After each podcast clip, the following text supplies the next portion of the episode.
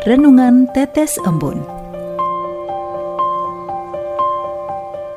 Sobat Katolikana yang dikasihi dan mengasihi Tuhan, kita berjumpa lagi dalam program Renungan Tetes Embun yang dipersembahkan oleh Radio Katolikana. Mari kita siapkan hati untuk mendengarkan firman Tuhan. Renungan Tetes Embun hari Kamis 3 Maret 2022 Ikut Yesus, siapa takut? Bacaan dari Injil Lukas bab 9 ayat 23 Katanya kepada mereka semua, Setiap orang yang mau mengikut aku, ia harus menyangkal dirinya, memikul salibnya setiap hari, dan mengikut aku. Sobat Katolikana, saya punya sebuah cerita tentang seorang laki-laki yang namanya Dodi. Dodi ini bekerja sebagai karyawan administrasi di sebuah perusahaan otomotif. Awalnya dia adalah seorang karyawan biasa, tapi karena dia begitu ulet, tekun, jujur, pelan-pelan tapi pasti, dia berhasil menduduki posisi manajer. Untuk mencapai posisi itu, tantangannya banyak sekali.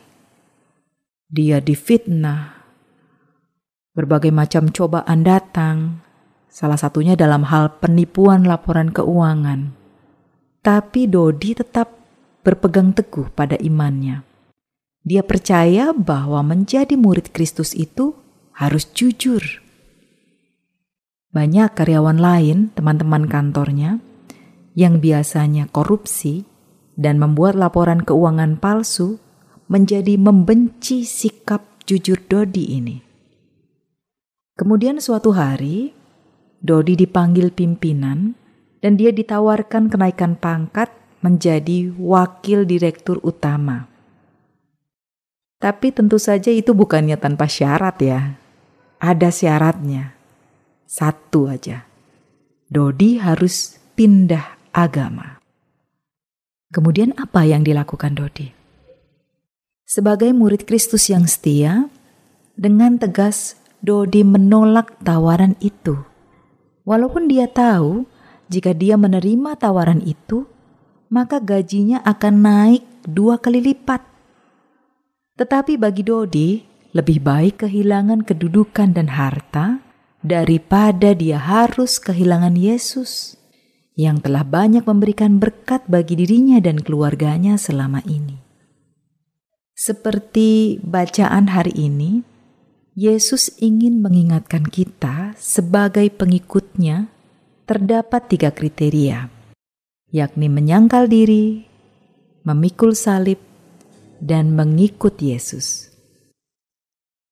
Penyangkalan diri berarti para murid senantiasa harus mengandalkan Yesus. Memikul salib artinya merasakan apa yang dialami oleh Yesus agar seperasaan. Dan terakhir, mengikutinya. Hal ini merupakan bentuk tanggapan atas kedua hal sebelumnya. Pernyataan penderitaan diberitahukan Yesus bahwa dirinya akan ditolak dan dibunuh. Gambaran ini sungguh berbeda dengan perlakuan seorang raja yang semestinya diterima, dihormati, dan dimuliakan. Gambaran ini harus diberitahukan Yesus kepada murid-muridnya agar mereka sungguh mengerti siapa Yesus yang sebenarnya. Sobat Katolikana, dulu waktu sekolah pasti pernah mendengar peribahasa berat sama dipikul, ringan sama dijinjing. Peribahasa ini menggambarkan seberat apa pun beban ya, seberat apa pun beban, jika ditanggung bersama, maka akan terasa ringan. Seberat apa pun salib hidup kita, jika dibawa dalam nama Yesus, maka salib tersebut akan terasa ringan. Menjadi pengikut Yesus bukanlah hal yang mudah. Banyak tantangan, banyak hambatan, godaan yang gak kurang-kurang. Namun sejauh kita selalu membawanya dalam doa, maka Yesus juga ikut berjalan bersama kita. Dari sana kita ditantang Apakah tetap setia dengan salib atau malah memotong beban salib kita? Meninggalkan salib kita demi kenikmatan duniawi, yang artinya sama saja dengan kita meninggalkan Yesus yang telah banyak berkorban demi kita.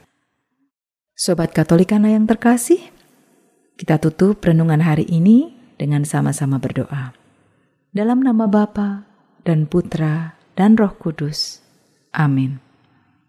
Bapa yang Maha Baik, bantulah kami agar setiap hari semakin setia pada salib hidup kami dan selalu berpegang pada sabdamu sebagai satu-satunya sumber kekuatan kami.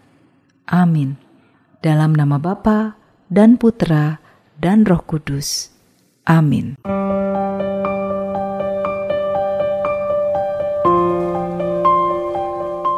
Demikian, Anda telah mendengarkan Tetes Embun yang dipersembahkan oleh Radio Katolikana.